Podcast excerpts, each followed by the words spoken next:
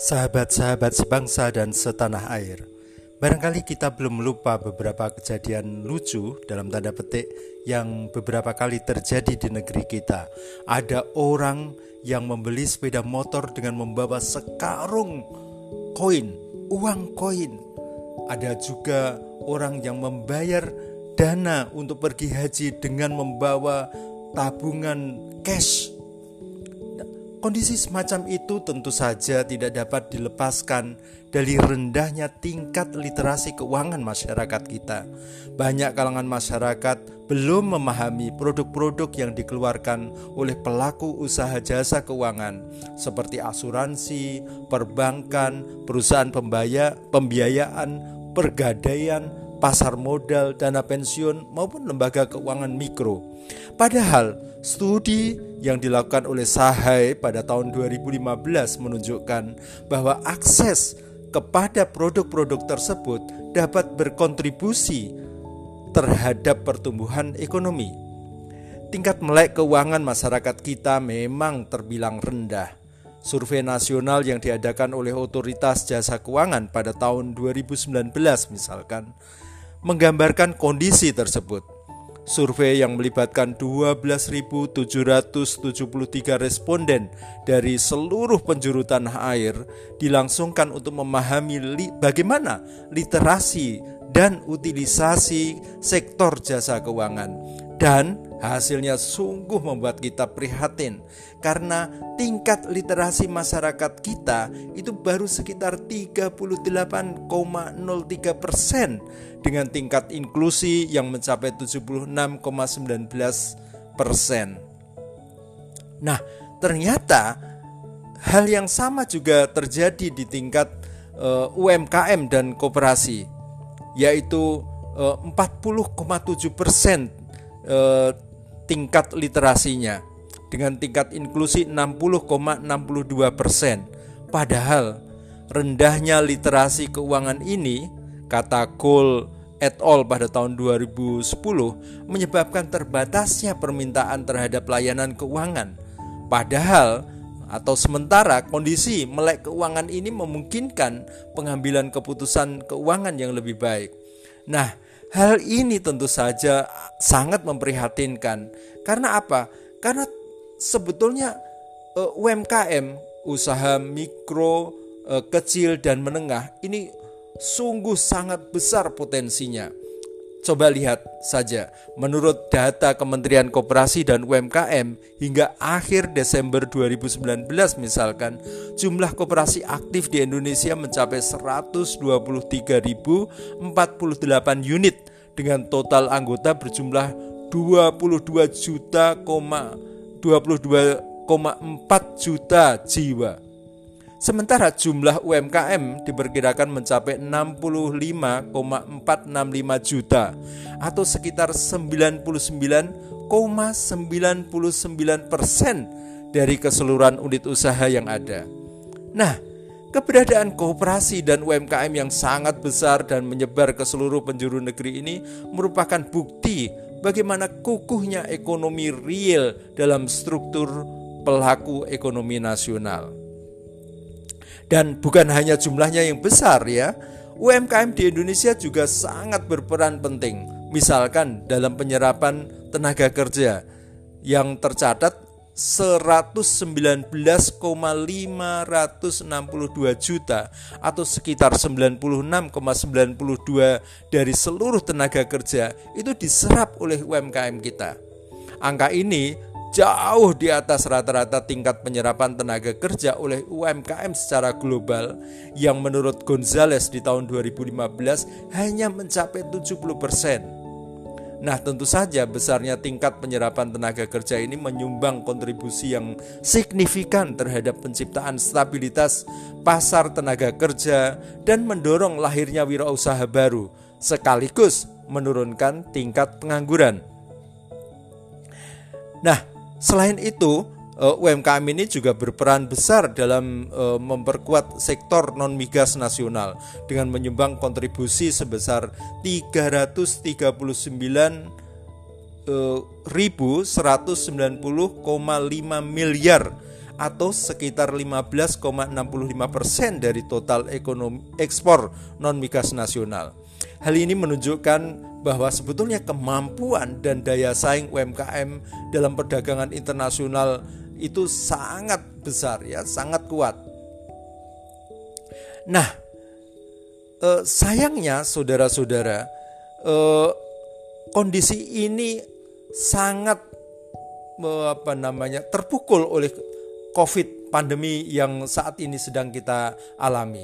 UMKM tidak juga eh, mampu bertahan dan memukul telak para pelaku usaha mikro, kecil, dan menengah.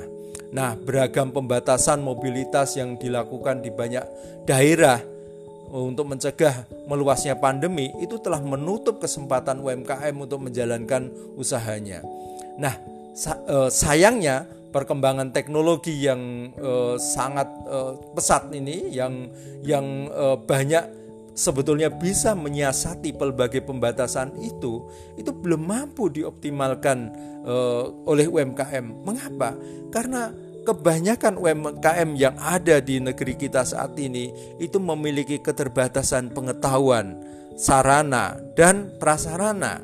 Nah, keterbatasan-keterbatasan itu yang menghalangi uh, UMKM untuk bisa memanfaatkan dengan baik uh, teknologi-teknologi yang memungkinkan untuk menyiasati kondisi yang uh, terjadi karena pandemi ini. Nah, di sisi lain uh, kita mengetahui bahwa perguruan tinggi itu memiliki sumber daya manusia dan sumber daya pengetahuan dalam jumlah yang memadai, sangat berlimpah untuk membantu meningkatkan kualitas UMKM baik dari sisi manajemen usaha maupun kapabilitas teknologi informasi. Nah, pertanyaannya bagaimana kita menggabungkan antara eh, keleluasaan eh, sumber daya di pendidikan tinggi untuk membantu UMKM yang ada di Indonesia saat ini. Nah, marilah kita lihat terlebih dahulu bagaimana uh, statistik yang ada uh, dalam konteks pendidikan tinggi di Indonesia saat ini.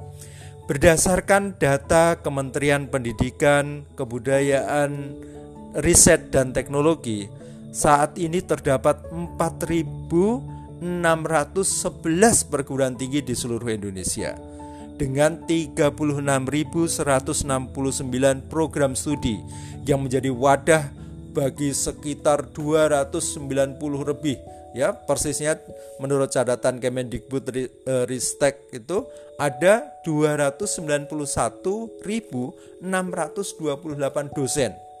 Sementara jumlah mahasiswanya ada 8.801.262 nah Bila dihitung terhadap populasi penduduk berusia 19 sampai 23 tahun, maka pada tahun 2019 angka partisipasi kasarnya tercatat 35,69 persen.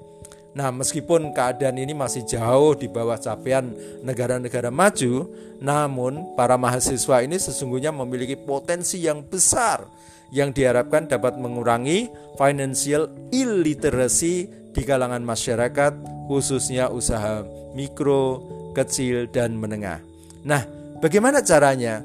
Uh, saya memiliki gambaran uh, selama ini para mahasiswa di perguruan tinggi, misalkan yang berada di Fakultas Ekonomi atau sebutan lain yang sejenis mempelajari banyak mata kuliah yang membekali mereka dengan pengetahuan di bidang akuntansi, manajemen keuangan, manajemen lembaga keuangan, manajemen resiko, serta mata kuliah-mata kuliah lain yang berkaitan.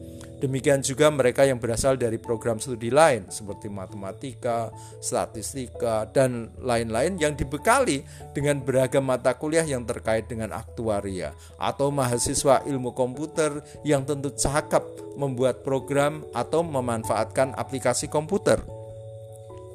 Sayangnya, mereka tidak memiliki kesempatan untuk membaktikan atau membuktikan pengetahuan yang mereka miliki tersebut, kecuali saat menempuh ujian tengah atau akhir semester. Sebenarnya, selama ini beberapa perguruan tinggi telah melakukan beragam upaya untuk membantu para mahasiswanya, misalkan melalui program magang atau membantu lulusan memperoleh pekerjaan. Namun, seperti dikemukakan oleh Alonso dan O'Neill dalam studi mereka di tahun 2011, tidak banyak yang melihat cara-cara potensial bagi perguruan tinggi dalam membantu kegiatan operasionalnya. Nah, Kondisi ini tampaknya disadari oleh Kementerian Pendidikan, Kebudayaan, Riset, dan Teknologi yang kemudian memperkenalkan kebijakan anyar di bidang pendidikan tinggi yang diberi nama program Kampus Merdeka Merdeka Belajar atau Merdeka Belajar Kampus Merdeka ya resminya atau yang bisa kita singkat saja sebagai MBKM. Nah, Program MBKM ini menawarkan kesempatan kepada mahasiswa guna memperoleh pengalaman belajar yang lebih luas serta kompetensi baru lewat beragam kegiatan pembelajaran di luar program studi asal dengan harapan kelak mampu mengantarkan lulusan yang siap menghadapi tantangan kehidupan yang semakin kompleks. Nah, salah satu yang didorong adalah penerapan model pembelajaran melalui project based learning. Nah, inilah yang e, menjadi harapan saya bagaimana project based learning ini bisa membantu UMKM untuk bertahan. Tidak saja bertahan sebetulnya tapi juga menjadi lebih maju ketika pandemi berakhir. Nah, eh, saya sudah menyampaikan di awal bahwa salah satu persoalan yang dihadapi oleh UMKM adalah buruknya manajemen usaha lemahnya manajemen UMKM ini berdampak pada banyak hal ya seperti menghambat akses pembiayaan dari perbankan atau memanfaatkan bantuan pendanaan dari pemerintah. Nah, apatah lagi akses pembiayaan dari lembaga-lembaga keuangan yang lain. Nah, seperti kita ketahui perbankan eh, selama ini cenderung menggunakan saluran tradisional dalam menyalurkan kredit atau pembiayaan serta menetapkan persyaratan yang ketat dalam menentukan kelayakan penyaluran usaha, penyaluran dana usaha. Nah, misalkan UMKM banyak menemui kendala terkait terbatasnya jumlah kredit, banyaknya dokumen yang harus disiapkan, besarnya agunan yang harus disediakan, serta tingginya suku bunga. Nah, ini sesuai dengan uh, studi yang pernah dilakukan oleh Marston uh, pada tahun 2015. Akibatnya banyak pengusaha kelas UMKM yang sulit mendapatkan kesempatan untuk memperolehnya. Survei yang dilakukan oleh Sahai menunjukkan bahwa UMKM menghadapi kendala dalam memperoleh kredit 10% lebih banyak dibandingkan usaha yang berskala besar. Nah, guna mengatasi hal ini dapat dilakukan dengan meningkatkan kualitas manajemen sehingga UMKM mampu naik kelas menjadi bankable. Nah, dalam konteks inilah saya merasa bahwa mahasiswa dapat mengambil peran untuk memperbaiki kualitas manajemen UMKM dengan menjadi semacam konsultan bagi UMKM. Nah, perguruan tinggi bisa mempersiapkan mahasiswa dan membagi mereka dalam kelompok-kelompok kecil. Nah, setiap kelompok kecil ini ber bisa beranggotakan 4 atau 5 mahasiswa dengan keahlian atau peminatan peminatan yang beragam seperti keuangan, pemasaran, produksi, dan sumber daya manusia mungkin juga bisa matematika, statistika, komputer. Nah, setiap kelompok ini kemudian ditugaskan ke UMKM di seputar kampus atau ke daerah lain yang memungkinkan. Nah, selama jangka waktu tertentu, setiap kelompok diminta mempelajari permasalahan yang dihadapi oleh UMKM tersebut dan kemudian menawarkan solusi cara-cara memperbaikinya. Misalnya, Salah satu kelemahan utama yang lazim ditemui pada UMKM adalah lemahnya kemampuan dalam dan keterampilan manajer dan staf sehingga berakibat pada buruknya manajemen keuangan. Nah, ini sesuai dengan uh, riset yang dilakukan oleh Gonzales di tahun 2015. Mereka tidak terbiasa mencatat transaksi keuangan yang dilakukan sehingga menyulitkan pembuatan laporan keuangan. Ini saya tahu betul karena sejak uh, saya mahasiswa, saya uh, banyak terlibat dalam urusan dengan UMKM, saya mengetahui bahwa mereka itu tidak memiliki catatan yang baik. Padahal laporan keuangan yang baik itu merupakan salah satu prasyarat penting dalam penilaian kelayakan pemberian kredit atau pembiayaan oleh perbankan atau lembaga pembiayaan lainnya. Nah, di sinilah kelompok mahasiswa yang ditugaskan mendampingi UMKM itu dapat memberikan kontribusi penting. Bagaimana caranya? Karena para mahasiswa yang telah memiliki bekal pengetahuan di bangku kuliah mengenai akuntansi dan manajemen keuangan dapat memberikan pemahaman kepada pengelola UMKM tentang seluk-beluk manajemen keuangan. Misalkan, bagaimana memilah dan menganalisis transaksi, mencatat transaksi, sehingga menyusun dan menyajikan laporan keuangan. Nah, para mahasiswa juga mungkin untuk membantu menganalisis kondisi keuangan UMKM Misalkan berapa banyak kebutuhan tambahan modal serta sumber-sumber pendanaan yang tersedia atau kemampuan untuk memenuhi kewajiban-kewajiban tersebut nantinya. Nah, apabila memungkinkan, para mahasiswa konsultan ini dapat mendampingi UMKM hingga berhasil memperoleh pembiayaan dari perbankan atau pegadaian eh, karena sekarang pegadaian juga eh, memungkinkan untuk memberikan pembiayaan kepada UMKM dan perusahaan pembiayaan atau sumber-sumber pembiayaan lainnya. Nah, demikian pula yang berkaitan dengan pengelolaan resiko itu masih e, merupakan hal yang sering diabaikan oleh UMKM. Nah, dengan hal-hal yang semacam ini, e, para mahasiswa akan dapat mendorong e, UMKM untuk naik kelas. Jadi tidak e, yang mikro dapat menjadi kecil, yang kecil dapat menjadi menengah, dan yang menengah uh, insya Allah dapat menjadi besar. Kalaupun tidak besar, menengah yang lebih kuat, yang lebih reliable, yang lebih resilient ya, uh, mampu bertahan terhadap uh, perkembangan yang terjadi. Nah, dengan uh, cara demikian tentu saja selain UMKM yang akan mendapatkan manfaat, mahasiswa juga akan mendapatkan manfaat e, dengan cara bagaimana? Karena mereka akan e, lebih kaya pengetahuannya, tidak sekedar mendapatkan pengetahuan dari buku atau ruang kelas, tetapi juga bisa memperoleh e, masukan langsung dari dari tangan pertama. Bagaimana masalah-masalah yang dihadapi oleh UMKM, bagaimana kondisi kendala-kendala yang terjadi, dan bagaimana juga menyelesaikannya. Hal ini tentu saja akan membuat mereka menjadi lebih komprehensif dalam memahami sesuatu. Nah, perguruan tinggi juga tentu saja akan diuntungkan karena e, akan mendapatkan mahasiswa yang lebih mampu memahami kondisi masyarakat dengan lebih baik. Karena dengan demikian mereka akan menghasilkan atau akan menjadi lulusan-lulusan yang memiliki uh, keberpihakan terhadap masyarakat kecil.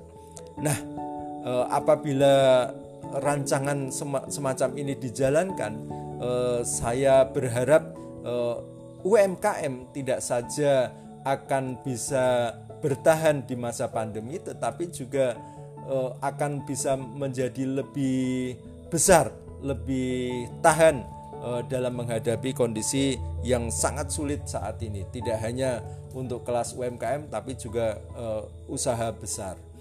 Nah, sekian kira-kira uh, gambaran yang saya harapkan bisa diterapkan sehingga tidak saja menolong UMKM tetapi juga memberi manfaat yang besar bagi para mahasiswa, bagi perguruan tinggi dan juga bagi masyarakat secara umum karena kalau ekonomi kecil itu bergerak insya Allah eh, ekonomi nasional juga akan tertolong sehingga eh, secara keseluruhan Indonesia akan lebih mampu bertahan dalam eh, menghadapi pandemi COVID-19 kali ini.